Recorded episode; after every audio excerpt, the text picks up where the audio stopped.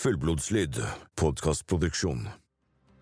Ja, da er vi i eh, kårboligen vi, eh, Jørgen, på Sørumsand. Ja, det er vi, Anders. Der vi står akkurat nå, det er midt mellom utgangsdøra og verandadøra. Reiste seg opp eh, og fikk da gjentatte skudd i eh, kropp på gulvet der vi står nå. Så kom jo da Anne opp trappa bak oss her, inn på kjøkkenet. Går inn der nå. Du lytter til Hva skjedde i kårboligen? med Jørgen Tadvin og Anders Vegdal Bjerke. Ja, nå sitter vi i studio igjen, da. Ja, velkommen tilbake. Ja, takk, takk. Det har jo vært en travel uke. Med mye, mye andre prosjekter òg. Vi har jo litt annet å drive med òg, det har vi jo. Ja, vi har det.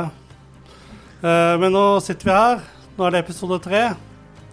Og da er det jo primært eh, motivene vi skal ta litt for oss. Ja, Og bevis. Mm. Kan bli en litt spennende episode, tror jeg. Det kan det, og det jeg er litt sånn spent på, Anders, det er jo om vi greier å presentere dette på en pedagogisk måte. Ja. Som lytterne greier å følge. For her er det mye bevis, og ja. Så, så det er jo jeg er egentlig litt spent på om vi får til å levere det produktet som jeg Ja. skulle ønske at vi fikk til. da. Vi må bare sortere så godt vi kan. Ja. Vi Ja. Uh, og da er det kanskje mest ryddig å bare begynne å oppsummere de, de fire uh, motivene vi tenker, da. Ja. Uh, først og fremst. Og det kan, være, det kan hende at det er noen helt andre motiver som ligger til grunn for de drapene. Ja. For det eneste vi vet, er jo at det fort har blitt drept. Og alt annet er nok litt usikkert.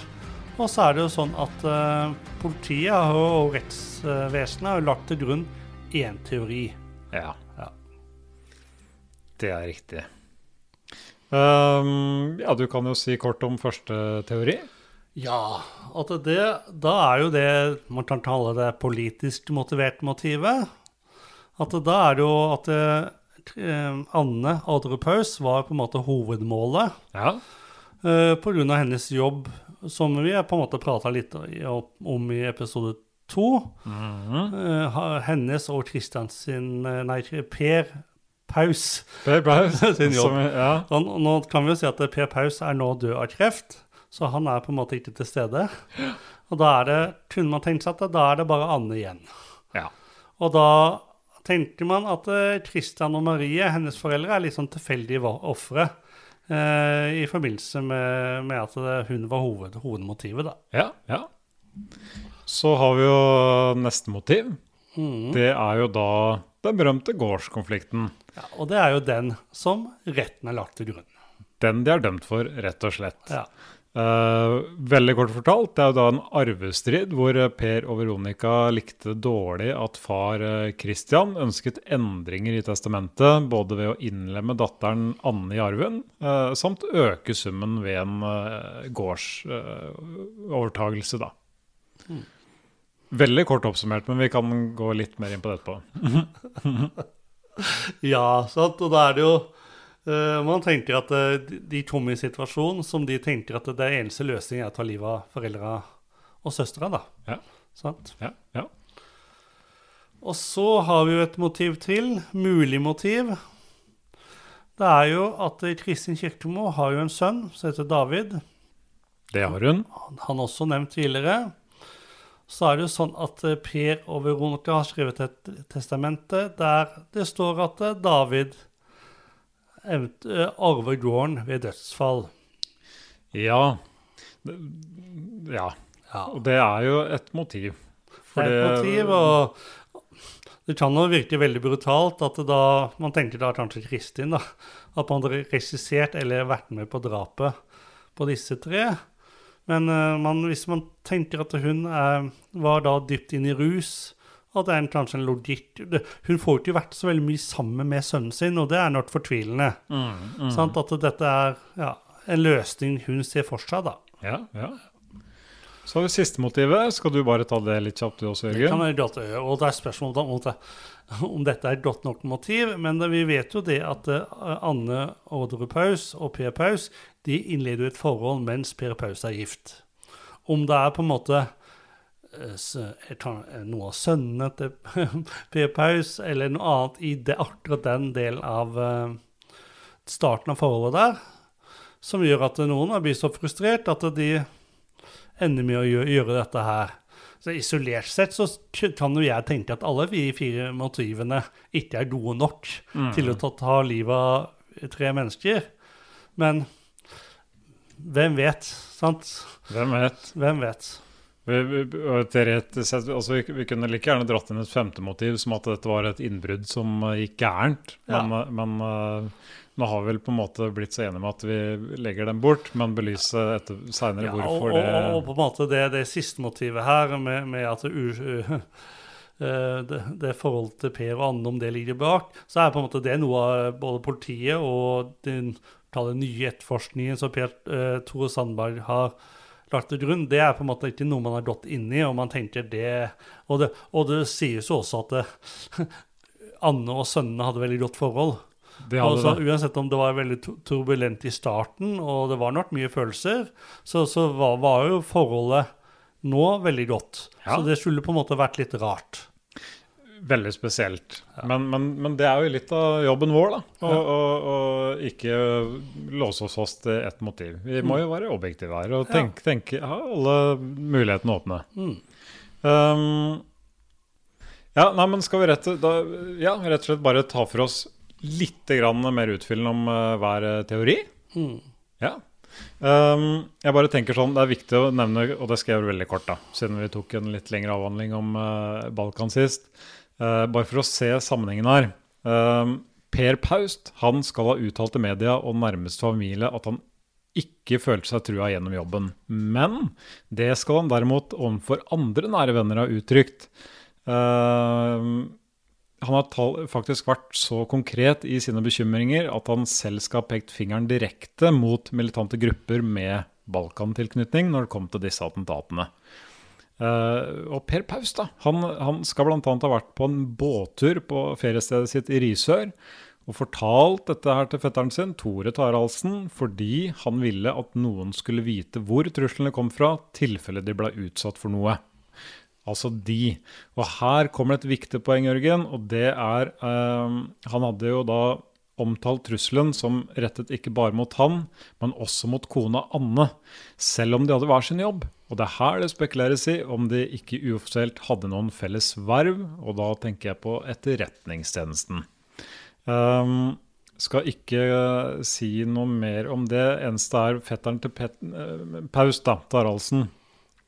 Han mener jo at Anne også var til stede her, og at Paust hadde i fortrolighet sagt at begge jobba for etterretningen, så er det der man har det fra. Eh, Selv om det har vært spekulasjoner om dette her i media i flere år. Men her har vi faktisk en mann som mener å ha hørt dette direkte. Ja. Jeg tror ikke vi skal si noe mer om det motivet der. Nei. Og da er det vel gårdskonflikten som er på en måte neste motiv vi skal si litt nærmere Ja, ja. på. Og da var det jo litt sånn at eh, Per Orderud, og var så vidt Veronica det også sikkert, opplevde eh, far sjøl Christian som veldig urasjonell, og på en måte de følte seg ikke til- tilgodesett på, det, på den måten de ønsket. Det sier at eh, Per hadde jo jobbet på gården hele livet, brukt på en måte all sin tid der, og tenkte at det var naturlig at han fikk arve den gården på ganske gode premisser. Mm, mm. Eh, og så er det sånn at eh, fordi at han opplever Christian som urasjonell og, og samarbeider og, og får på en måte lite forståelse for sitt syn, så velger han å forfalske en kontrakt. Han gjør det. Han gjør det. Det kommer ikke, og det er noe som blir på en måte avslørt eh, gjennom rettsrundene. Eh, og da tenker man det at eh, ved at han har forfalsket en kontrakt, kontrakt, og at man ikke får gehør, og det er en del rettsrunder rundt den kontrakten, og det er på en måte det baller på seg for eh, Per Orderud og Veronica Orderud. Så Ja. tenkte man da at eh, de tenker eneste muligheten nå er å ta livet av foreldre og søstre for å på en måte close den ehm, Ja, bare Det er ikke noen annen mulighet. De kom i en situasjon der de tenkte at det er ikke noen annen mulighet til å ta livet av søstera, som på en måte skulle få litt mer arv enn det Per ønsket, og begge foreldrene. Ja, ja. Ja. Um, ja. Um, så, er det jo spørsmål da, om denne gårdstvisten egentlig var over. Altså med tanke på den sivile rettssaken. Ja, Skal vi det- si noe om det, eller? Det kan vi godt gjøre. Det er, det er jo, men det, dette er vanskelig for oss å vurdere. Ja, ja. Eh, Men det er jo sånn at avortatene til eh, Eller, eller avortaten til Per mener den er over. ja. De mener at det kom til en avtale, og da kan man og stille spørsmålet hvorfor tar livet av foreldrene sine når avortaten din informerer deg om at den konflikten er over. ja. Men så sier jo da at avortaten til Christian Aadrud at den konflikten her er ikke over i hele tatt. Så her er det på en måte to avortater som forteller to forskjellige versjoner. Det er det. Det er det. Uh,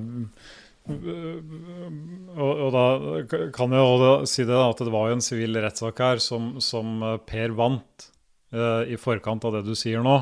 Og så har du denne konflikten mellom disse to advokatene. Eh, og det er jo da ikke uh, Sulland og, og Sjødin. Dette er vel sikkert noen lokale advokater i Sørum, tenker jeg. Uh, vært veldig interessant. Og jeg tenker det hadde avgjort mye hvis man bare hadde tatt tak i Prata litt tidligere med de, men det er jo så. Um, vi har jo et motiv til. Um, det er jo da et testament. Nå, sånn at det ikke skal bli så forvirrende for lyttere. Da. Kjøpskontrakt, vi har nevnt det. Eh, Men, men Per og Veronica Orderud de laget et testament seg imellom. eh, hvor de skulle eh, Hvor de utformet det sånn at gården skulle tilfalle sønnen til Kristin, David, ved et eventuelt dødsfall. Og da er jo tanken at uh, Kristin Kirkemo har fått uh, snusen i dette testamentet. Uh, og tenkt at hvis jeg handler litt på egen, hånd her nå, så sikrer jeg min sønn Davids fremtid. Og kanskje hun også har et bosted de neste eh, 18 årene, liksom. Men, men, men at hun har handla på egen hånd. Det er vel egentlig det som Ja, eller sant, Det kan hende at hun kan ha flere med seg, men, Jo, måte, jo, jo. Hun, men, men hun er på en måte hovedpådriver. Ja, ja, nå tenkte at uten Per og Veronica. Ja, ja, Sant? Men at hun har eh, alliert seg med noen andre, det er jo på en måte en mulighet. da. Ja, ja. Vi, vi, vi snakka jo litt om Veronica, eh, om, om det testamentet. Eh, skal vi bare høre hva hun sa om det, eller? Ja, sånn i forhold til om, om Kristin hadde sett det, for det er jo litt avgjørende for saken. Det er jo et testament som er skrevet, eh, Veronica. Eh, om det var utarbeida deg og Per, jeg er litt usikker. Eh, dette testamentet da, som, hvor, hvor gården skulle tilfalle Kristin og, og sønnen, da, hvis noe skulle skje. Ikke Kristin, da. Det var bare sønnen. Å ja, sønnen. Beklager. Ja, ja. Ja. Ja. Um, kan du erindre om hun noen gang fikk innblikk i det testamentet?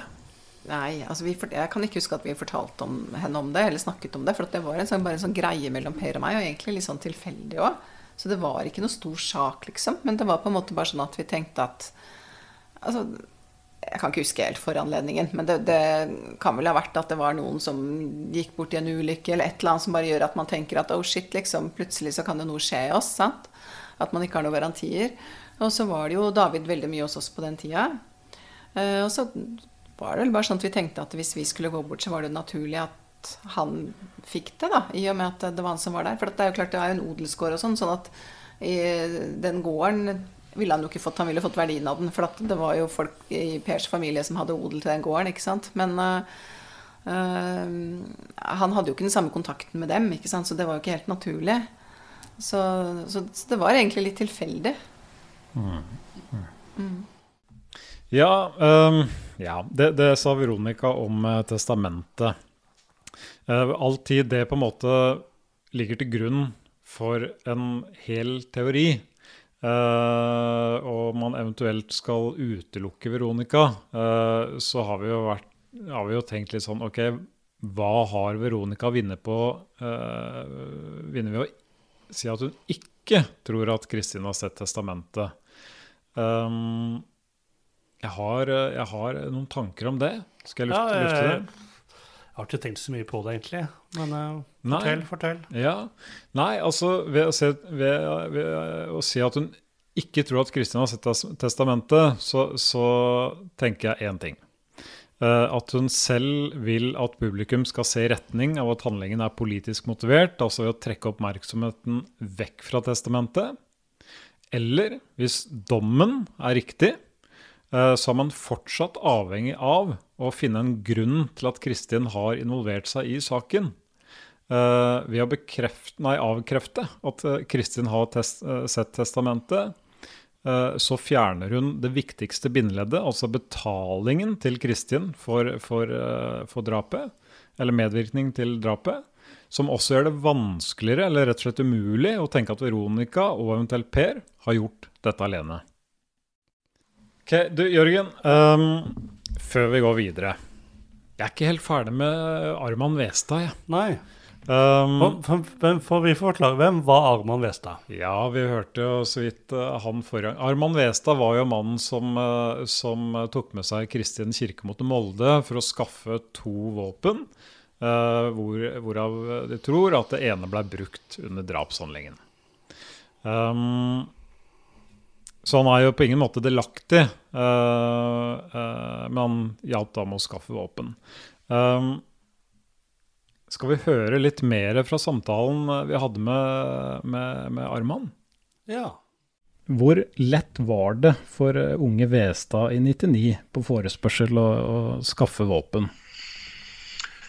Ja, det var, det var ikke så vanskelig akkurat da. Det, jeg hadde jo noen kontakter på forskjellige plasser i Norge, og jeg brukte jo de kontaktene jeg hadde, og endte jo da opp med å få tak i noe ja, lovnader om våpen i, i Molde, da. Men, men eh, når- Kirkemo henvendte seg til deg, um husker du Det er jo lenge siden, men husker du eh, om det var lang tid i forkant? Nei, det er nok vanskelig å huske, men det som er Det var nok en eh, Jeg vil tippe at det var et halvår kanskje i forkant. Ja. Um, sånn at det var ikke liksom tett opp til selve dagen vi reiste, nei. Um, og jeg husker heller ikke om det var liksom flere forespørsler, eller om det var eh, Om det var kun eh, én forespørsel. Sånn, sånn at det kan være at hun hinta Jeg syns jeg husker en gang at vi satt i ei leilighet i Trondheim eh, hvor vi snakka om mange forskjellige ting. da, Hvor vi hadde en samtale rundt eh, nåtid og, og, og framtid. Og eh, det var egentlig sånn i etterkant da, at akkurat den samtalen der eh, Så spurte hun om en del ting, fortalte en del ting som jeg, burde egentlig da Altså hadde jeg visst det jeg visste etter drapene. Så det var egentlig det som gjorde at de skjønte at den samtalen i forkant da, som vi hadde i Trondheim, var litt sånn myntet mest sannsynlig på, på det. da. Ja, og, og, og dette syns jeg faktisk er veldig interessant. fordi Arman var jo eh, blant flere av vitnene under Orderud-saken som kom med utsagn som ble en, av, en del av disse indisiene som bidro til å skape det totale bevisbildet, eh, som gjorde at f.eks. da Kristin Kirkemo ble dømt til 21 års eh, fengsel i herredsretten. Eh, Men det at mange av disse vitnene var i aktiv rus, Jørgen, gjorde at retten ikke kunne legge eh, så stor lit til eh, en del av disse påstandene, som igjen da bidro til at siktelsen mot Kristin, som omhandlet disse bombeattentatene, frafalt. Men her hører vi et av hovedvitnene som ikke lenger er i aktiv rus. Han har jobba ti år i Nav, er foredragsholder og er en oppegående fyr.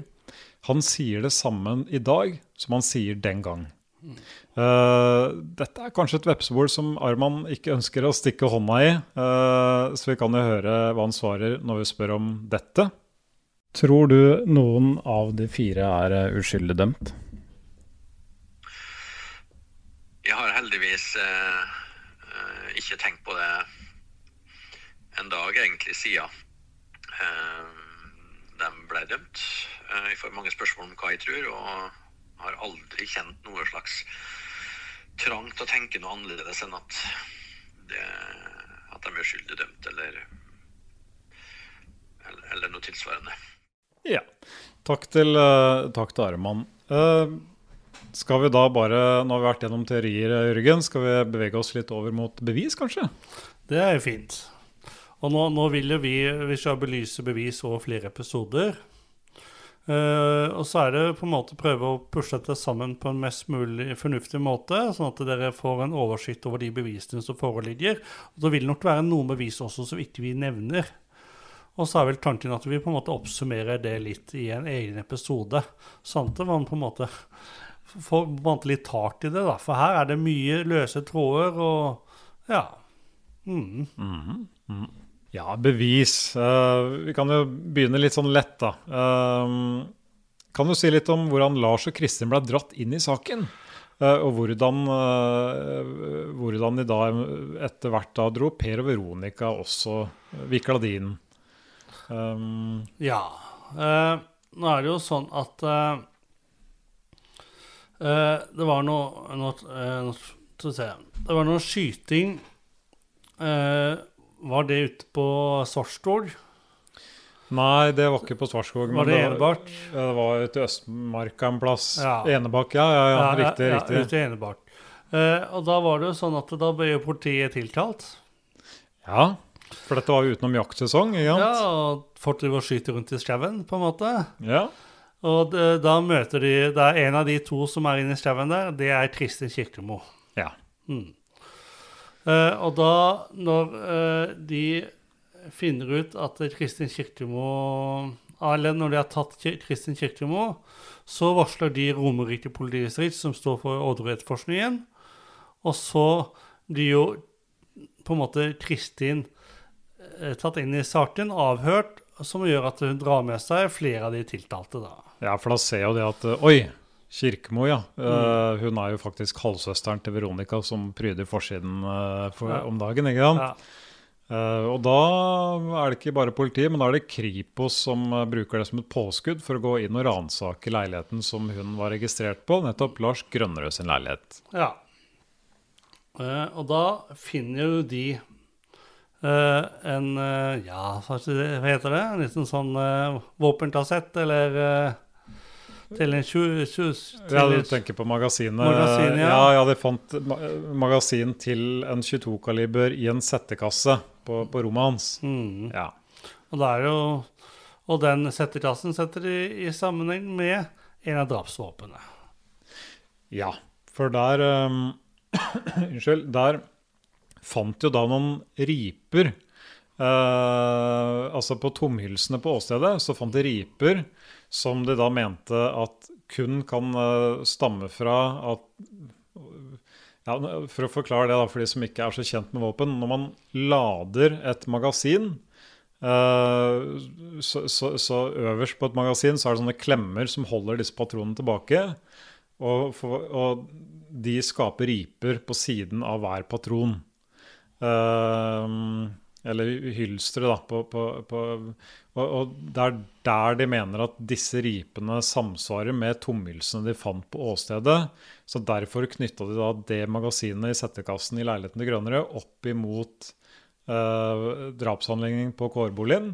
Man kan ikke si at, uh, at uh, det magasinet ble brukt nødvendigvis akkurat men, men, det er i hvert fall samme magasin som har blitt, uh, blitt lada med, med, med, med, kulene som har vært brukt på åstedet. Ja, eller hvis vi ser helt presise, så er det de fleste av kulene kan man toble koble sammen det magasinet, mente de. Ja. Fordi at man mente at de som ja, drev og lada det våpenet, hadde lada litt feil, og sånt, så det er markante riper. Men det er noen av kulene som ikke har de ripene også, da. Mm, mm. Så men man mener iallfall det at det, det, magasinet har vært på åstedet. Ja. Mm. Det, det, er det de mente den gangen. Mm. Ja. Og de fant jo også en eh, de fant jo, Det var jo magasin. De fant jo også en pistol i leiligheten til Grønnere under samme ransakelsen. Eh, det som er litt interessant, er jo at dette magasinet, som faktisk eh, politiet mener kunne knyttes til åstedet, det lå løst i en Det var ikke gjemt bort, det bare lå slengt oppi en uh, trekasse liksom på rommet. Men derimot han hadde et våpen i leiligheten. det lå gjemt, teipa fast i et hull i, i veggen i et, bak et hjørneskap. Selv om de kunne da bevise etterpå at det hadde ingenting med drapene å gjøre. Så det hadde han tatt seg bryderiet med å gjemme. Men et magasin som, som politiet den gang mente hadde noe med drap å gjøre, det lå bare slengt fremme, nærmest. Litt interessant. Ja, Hvis ikke jeg er plassert der, da. Det er uh, mange muligheter, og det har vært For mange spekulasjoner i ja, det. For både Lars og Kristin bor jo i denne leiligheten. De er jo samboere. Ja, På dette tidspunktet, iallfall. det er det. Det er det. Så, så det, det er jo litt om uh, magasinet. Uh, ja Uh, så, så, så er det en del avhør, da. Eh, og, og Kristin hun, hun forteller jo på et tidspunkt om denne Molde-turen sammen med Arman Westad. Uh, dette velger Kristin å si etter at hun skjønner at hun må svare for seg etter magasinfunnet. Da, da skjønner hun at ok, nå må jeg si noe. Uh, så ved å fortelle om Molde-turen, så kan hun samtidig trekke inn eh, de andre konkret. Um, så ja, åssen hun valgte å si det, vi, vi var jo ikke til stede. Vi har ikke lest avhørene sånn konkret, men, men uh, hun, hun, uh, hun uh, drar i hvert fall inn Lars. Og det blir hele tiden konfrontert med hva den, hva den ene har sagt om den andre. For nå må vi huske på at nå sitter Lars og Kristin i avhør samtidig. Og hvis den ene sier noe igjen, så går politiet til naborommet, og så sier de at den har sagt det. Og så har det sikkert vært veldig taktiske på måten de legger det fram på, og så har de liksom fått dratt ting ut. Um, lokka ting litt ut av det. Um, uh, som, som gjorde at beskyldningene mot Lars og Kristin de oppsto veldig fort her. Ja. Uh, Kristin hun blir jo grilla et par uker hun i, i avhør. eh, I amfetaminabstinens. og de, de ga jo henne bare beskjed om at du skal sitte her du, til du har fortalt alt. Igjen. Og hun var i en desperat situasjon. Uh, og, så det eneste hun sa på et så tidlig tidspunkt for å bare komme seg ut av dette avhørsrommet, det var bare at hvis dere vil vite mer, så snakk med Lars, Per og Veronica. Ja, sant? Så da hun nevner det iallfall. Det er da de blir nevnt. Og ja. Mm, mm. Ja. Eh, da er jo spørsmålet om vi på en måte skal bare hoppe til eh, juleselskapet. ja. For det er jo på en måte der Det er jo, det er jo der eh, Per og Veronica kommer inn i bildet. Iallfall der. Det er jo når, de, når sannheten om jule... Eller det er når Når, når, når, det ble åpen Eller nå må jeg passe på hvordan jeg skal ordlegge meg. Eh, fordi at det, det har jo skjedd noe eh, på det juleselskapet som var- på en måte fatalt for den dommen som blei. ja. Eh, som eh, Per Veronica ikke vil vedkjenne seg i starten. Og så er det litt forskjellige versjoner av hva, hva som egentlig skjedde. ja. Men det er på en måte noe som på en måte alle er enige om.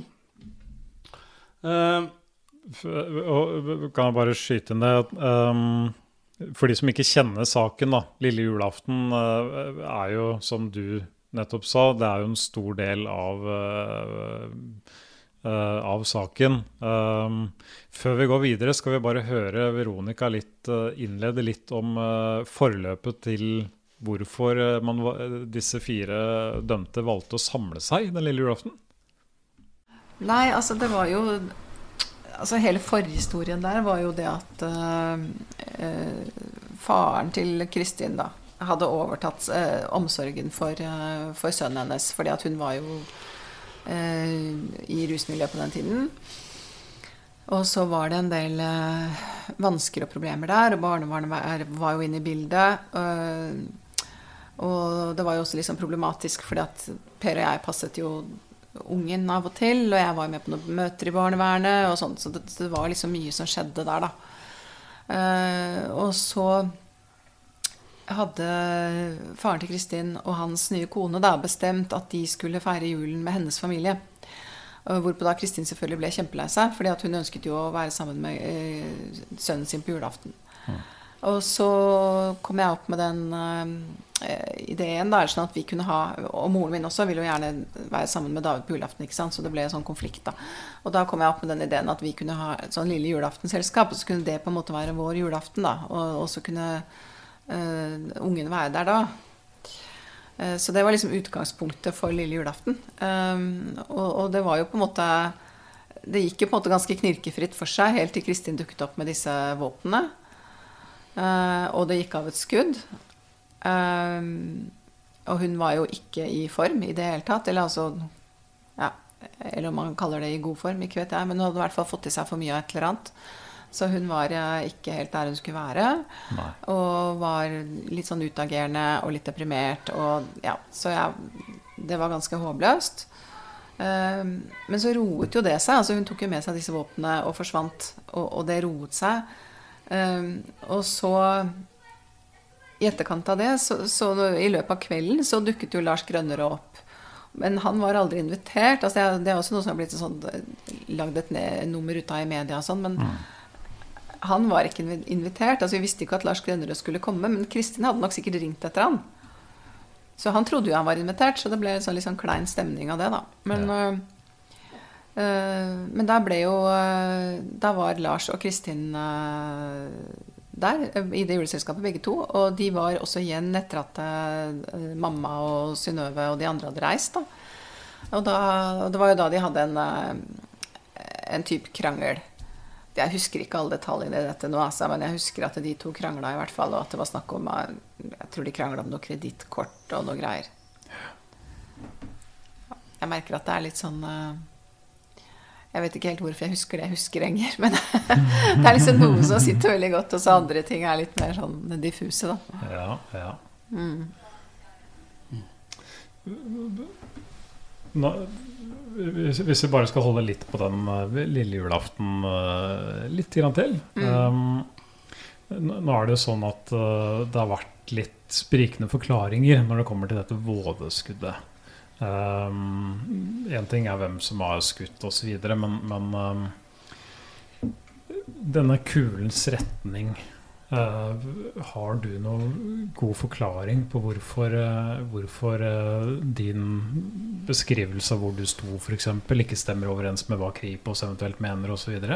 Nei, vet du hva, ikke i det hele tatt. For jeg prøvde jo bare å gjenfortelle dette sånn som jeg huska det. Mm.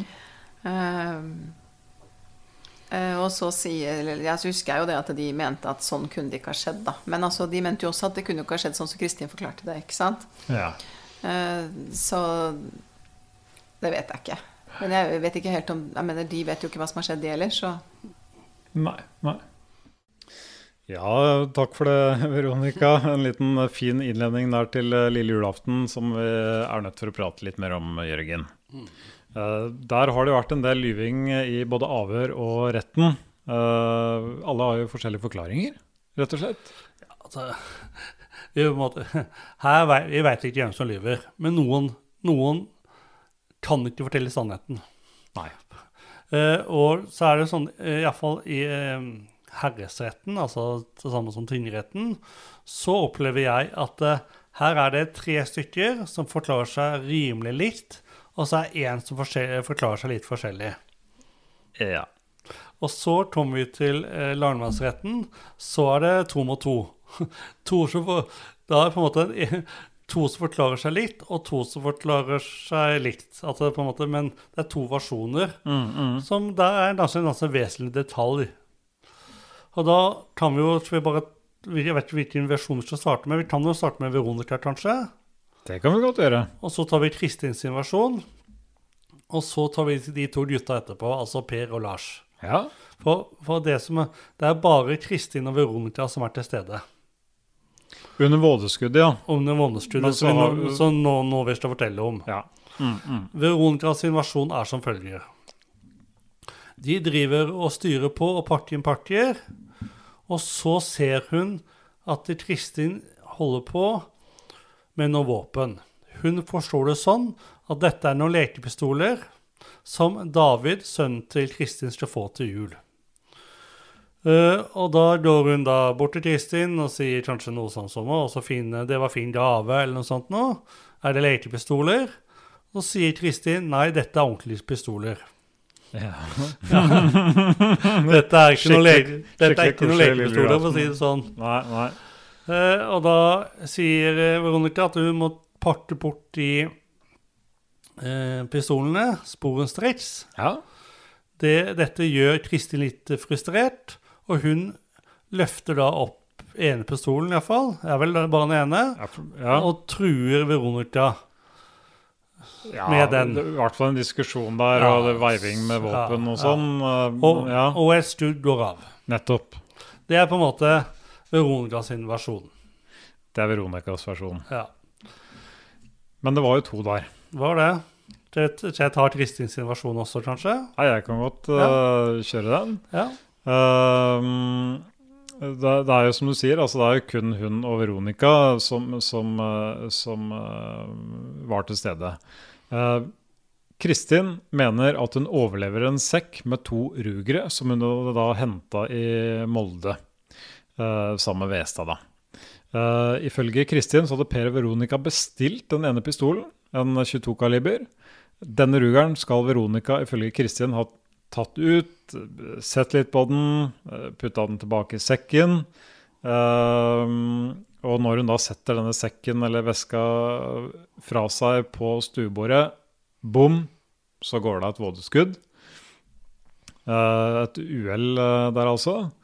Eh, da haster Veronica ut av huset, eh, noe fortvila. Kommer tilbake med Per. Eh, De ser at skuddet har gått gjennom et bilde på veggen, eh, og det er riktig. Eh, Kulehull er jo funnet- der. Hvor Hvorav Per da skal ha tatt ned det ødelagte bildet, plukka ut en blybit fra veggen. Og han skal da ha vært veldig tydelig og bestemt på at Kristin måtte fjerne disse våpnene. David var på dette tidspunktet ute. ute og, og, så, så ja, Kristin og Veronica har samme forklaring på akkurat det, eh, og at Per beordret våpenet vekk etter vådeskuddet. Men, men akkurat hvem som utførte, eller hvem som, eh, hvem som eh, utløste vådeskuddet, er det jo da uenige om. Ja. Nå har du sagt litt om at Pers versjon også. Ja, kort, kort, men vi kan, Ja, kan ta jo- den litt mer etterpå. Ja, det er jo sånn som du sa, sant? at han er ute, ute med David, og så får, kommer Veronica ut, og så forklarer hva som har skjedd, og han beordrer den eh, at de pistolene må eh, legges bort. Og, den, og den versjonen til Veronica, og for så vidt på en måte til Per, den støttes av Lars i tingretten. Der han sier at han blir fortalt at det, det, de våpnene blir tatt fram, og det går av et vådeskudd eh, som eh, på en måte er Kristin. Men at, eh, at det var tilfeldig, og det var ikke med mening, eh, vilje og ja, litt uhell, som gjør at den kulen eh, går av. Ja, ja. Og så når vi kommer til landmannsretten, så forteller Lars det annerledes. Da forteller han at han har blitt fortalt at det er Veronica som har fitla med våpenet, og det er gått av. Eh, Så er det på en måte Veronica som eh, har bidratt til at den kula går av, da. Mm, mm. Ja. Uh, men Lars var ikke til stede. Og Per var heller ikke til stede. Nei. Nei. Men uh, Per var jo på en måte et sånn kall det tidsnæ- tidsnærs vi- vitne. At han, han ble jo henta i Han kom inn i situasjonen ganske fort, kort tid etterpå. Ja. Så det, det er jo på en måte kan hende at man skal vektlegge hans forklaring. Ja, ja. Men han er jo gift med Veronica, og han har jo sikkert noe å vinne og tape på å forklare seg sånn han gjør. Ja, og sånn tenker jeg med Lars òg. At han var jo han, Ja, han sto nærmest Kristin. Det var jo vennen til Kristin. Men, men eh, på dette tidspunktet, når han forklarer seg om det, så var han jo i konflikt med Kristin. Så jeg tenker at det er kanskje litt vanskelig å legge så mye lit til Lars sin forklaring her. Selv om han selvfølgelig kan snakke sant. Men det veit vi ikke. Og så er det jo at her har um, rettssakene har nok ikke gått veien for noen av de. Det var ikke sånn de hadde tenkt. Så, så at folk får forandre forklaring, det kan hende at det er fordi at de har kommet på bedre tanker og tenker nå skal være ærlig, eller at de tenker at det, sånn jeg forklarte meg i første runde, det, det, jeg har for mye å tape på det. Jeg forandrer forklaring for å så se om det kan bidra til at jeg får en annen type dom, da. Ja, ja. Og så veit jeg ikke om det er viktig å si, uh, for de som uh, Altså, nå prater vi om et vådeskudd.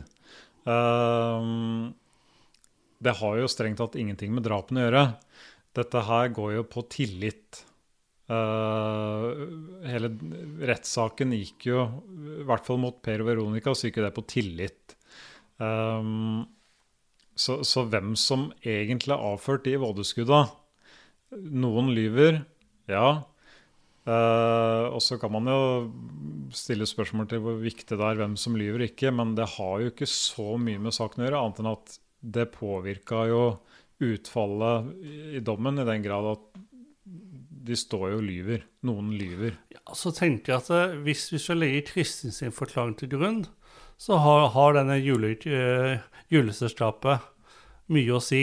For hun mener jo at hun har De mener jo at de har fått penger for å kjøpe de våpnene. Hun har kjøpt de våpnene i Molde. Hun tar det med til juleselskapet for å vise Per og Veronica dette her. eh, og Veronica tar det i sin hånd, og, eh, og Estrud går av.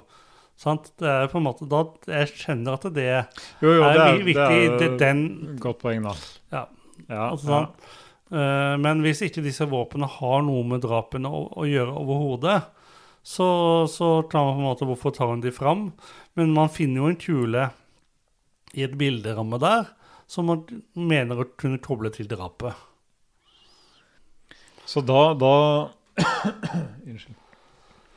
Så da, når dette her blei eh, kjent, da, for de måtte jo eh, ransake Politiet måtte ransake boligen på Eller våningshuset på Ordre gård. Finner da spor av kule og tenker at oi, shit, her har det vært våpen på Ordre gård, så tett på trippeldrap. Dette ser ikke så bra ut for Per og Veronica. Um, de må i hvert fall uh, vi, vi må prate litt nærmere med de. Ja, sånn det ser bra ut og ser bra ut, men det, det har iallfall en viss relevans. For det, for det, det er jo sånn at eh, Veronica og Per de nekter ganske lenge for at dette har skjedd. Kristin og Lars forteller om dette her. Eh, og så er det sånn at Veronica og Per de nekter for det en god stund. Og så er det sånn at Veronica på en måte skjønner at nå er det ikke vei utenom. Jeg må fortelle hva som skjedde den julekvelden. Og så er det sånn at eh, la, nei, Per han står på at det ikke har skjedd. Så det går nok, Og da, ved at dette helt åpenbart har skjedd, og de nekter for det, så går det utover deres troverdighet. Ja. Som, eh, som gjør, gjør at eh, de får et forklaringsproblem. De gjorde det veldig vanskelig for seg sjøl. Veronica innrømte dette her på dag fem eh, i rettssaken, mens Per tviholdt vel på denne løgnen litt lenger enn som så. Så, så ja, det, det slo jo ikke så godt tilbake da. Nei, sant? Og så, du, sant? så har vi nevnt tidligere at det var ble, ble forfalsket en kjøpskontrakt. Ja, Det også kom under rettssaken. Det var ikke kjent før Per måtte innrømme det. Sant? Og han da valgt å lyve i hermetegn. Ja, så det var jo kjent, men, men han hadde ikke innrømt det. Nei, at det, motparten i, i Christian mener at han forfalsket. Ja, ja, jo, Men han, det er på en måte, ja, han er jo dømt I den sivile saken første gangen så ble det jo dømt at den ikke var forfalsket. Ja, ja. Så det, sånn sett var det ikke kjent. Det var bare til Christian Orderud mente den var forfalsket. Han mente at han ikke hadde skrevet under. Jeg kunne ikke huske det. Mm, mm. Sant? Og, og så eh, ble det til at Per måtte innrømme at Tristian hadde nok rett. Ja. Ja. Så da har han på en måte blitt tatt i løgn én gang, Per, og så blir det denne julekvelden blitt tatt i en løgn til, som gjør at det, han har et forklaringsproblem, og hans troverdighet eh, Man kan si at den ble litt tynnslitt etter hvert. Ja, den ble kraftig svekka. Ja. Den blei det. Um, ja. Og, og julekvelden, du, var jo, du innleda det egentlig ganske greit i stad. At eh, den leder jo da over til eh, noe mer enn bare vådeskuddet. Det er jo snakk om eh, en drapsplanlegging som visstnok skal ha, eller angivelig skal ha foregått denne kvelden. Ja. Uh, og da, da, da kan vi jo si at det, dette har da foregått når de andre gjestene som uh, var, var til stede under selve middagen, at Ja. de har da dratt. Altså Nå- David og søsteren til Veronica og alle andre som var til stede, de har, dra, de har dratt sin vei. Så nå er Lars, Veronica, Kristin og Per igjen. Yes, dette er litt seinere på kvelden. Um, og, og dette er jo da Dette er det Kristin som står i retten og, og forklarer. Um, per og Veronica nekter jo selvfølgelig for alt dette her. Uh, og, og Lars uh, Har sin versjon. har sin versjon, takk. Det er vel eh, det mest uh, riktige å si. Um, ja, drapsplanlegging. Hva skal man si om det, Jørgen? Hva skal man si om det? Kristin mener iallfall at, eh, at de da løper kvelden og natta blir forklart hvordan eh, Per og Veronica skal utføre et drap på en best mulig måte. Ja. Sant? Og bruke sorter over sto og masse sånn. Det, det er på en måte det Kristin forteller. Og så er vel at eh, Lars forteller iallfall i første runde at, eh, at de, det han gjør, hans rolle i det, er bare å forklare hvordan Vålerstudiet gikk av. Ja. Sant? Eller liksom tar våpenet fram igjen og forklarer det sånn. Og Per, per og Veronica de bare sier dette er et ukjent for dem. Ja. ja. Uh, de sto jo på det, uh, på, på, på at det ikke hadde skjedd. Um, og, og nå er du inne på denne våpenopplæringa, da. Eh, og det er vel kanskje det begrepet Lars ikke er så uh, begeistra for. fordi han, ifølge Lars så skulle han bare vise, som du sier, hvordan gikk vådeskuddet av, mens Kristin dreier dette her da om til å bli at nei, dette var ikke bare det, dette var rett og slett trene opp Veronica og Per å bruke et våpen. Um, og, og ja. eh, videre på kvelden, det var Kristin, og det er jo hun som på en måte kjører på i rettssaken her, da. Hun sier jo det at eh, at det er, Da forteller jo Per og Veronica at de ønsker eh, sine foreldre døde pga. gårdskonflikt. Um, uh, og trenger hjelp, da. Uh, og, og det er jo derfor, da, ifølge Kristin, at hun har henta våpenet. Eh, hun sier at uh, Lars uh, sitter på sidelinjen der, men kommer med tips om bruk av engangsdresser og, og sokker utenpå sko. Ja, ganske detaljerte opplysninger om, om en, en påstått drapsplanlegging da, som skal ha foregått lille julaften 1998, bare noen måneder før pinsen 99. Ja. Um, ja, og som en oppfølging til, til, eh, til denne julekvelden, da, så, så Hvis vi går videre på bevis, eh, sånn helt eh, avslutningsvis For jeg tror kanskje vi må runde av denne episoden. Ja, Eh, jeg tror vi holder på en times tid, så det er kanskje på tide å Ja, lufte bikkja og hente unge- i barnehagen. Og, ja, ja. ja. Ja. Nei, altså det, det skal angivelig da ha foregått et våpenbytte uh, på Orderud gård. Um, uh, det er jo også et bompengebevis her, men jeg tenker vi fint kan slå de to sammen. Um, saken er at eh, det er bekrefta at Per Orderud eh, via telefonutskrifter skal ha hatt hyppig kontakt med Lars Grønnerød eh, i forkant av 3. april. Um, ifølge Per så skal dette her ha dreid seg om hjelp til noe datatrøbbel. Men Lars derimot, han mener at Per maste på Lars om å få kjøpe uh, en 38-kaliber revolver uh, som, han, uh, som han da eide. Um, Kristin på sin side, hun hadde jo da uh, sittet dagevis i avhør, kjempesliten, sånn som jeg sa i stad. Um, og når hun da kaster ballen videre, uh, så, så nevner jo hun for politiet at Lars eier en 38-kaliber. Um, han blir jo da konfrontert med disse påstandene. Eh, og det er når hun, altså Kristin, legger navnet til Per og Veronica på bordet, at Lars til slutt innrømmer at han har hatt en slik revolver. Uh, at det ikke bare var navnet på uh, Altså, han kalte jo navnet for Lillegutt, uh, men mente da i avhør at det var, det var uh, datamaskinen hans som, som han kalte Lillegutt. da.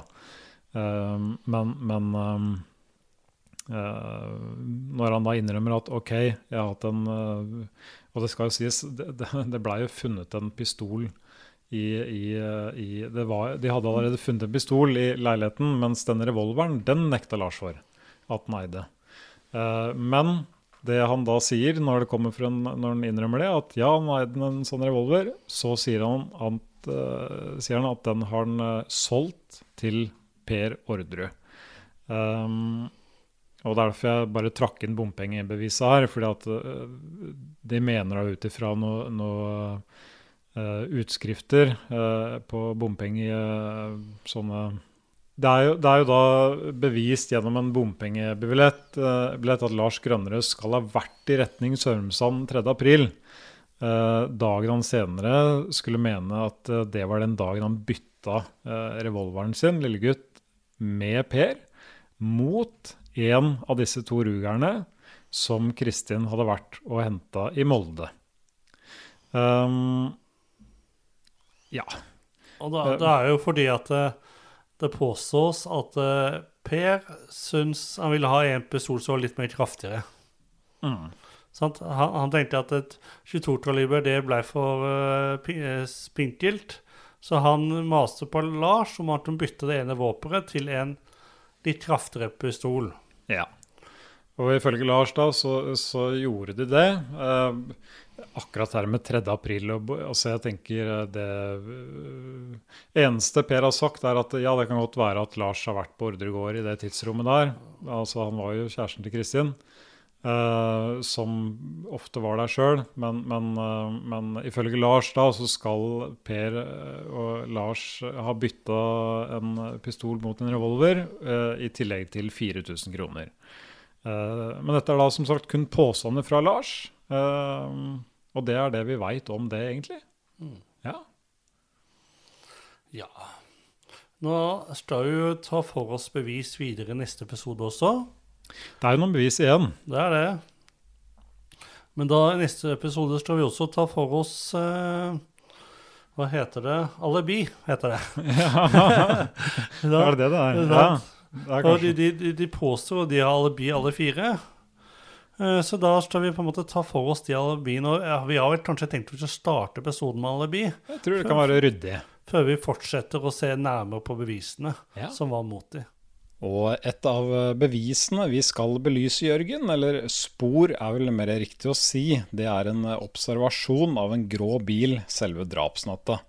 Vi tok jo med lydutstyr til Sørumsand, Jørgen, så vi tenkte dere kunne få en liten smakebit eh, av det her nå, før vi avslutter. Så ja, tror vi bare runder det her, jeg. Da må dere ha en god uke alle sammen, og så høres vi om nøyaktig én uke. For det er jo da sånn at det er observert en grå bil eh, i krysset Ekornveien-Tiurveien i et byggefelt som ligger da eh, Ja, jeg tror det faktisk er under en kilometer fra, fra, fra Ordregård. Ja, for det, er bare noen hundre meter rett fram foran oss nå, så går vi på gården. Ja. Um, for bak her, da, så, så var det et vitne som satt på verandaen der. Ja. Han slapp ut katta si midt på natta. Så Den... var det jo sånn at eh, når han så bildet av Kristin Kirkemo i avisen, ja. så føler han at det var Kristin han så. Det trenger ikke være det, men det er på en måte det hans magefølelse sa. Denne dama var hun som satte seg inn i den bilen. Du har lyttet til en podkast produsert av Fullblodslyd.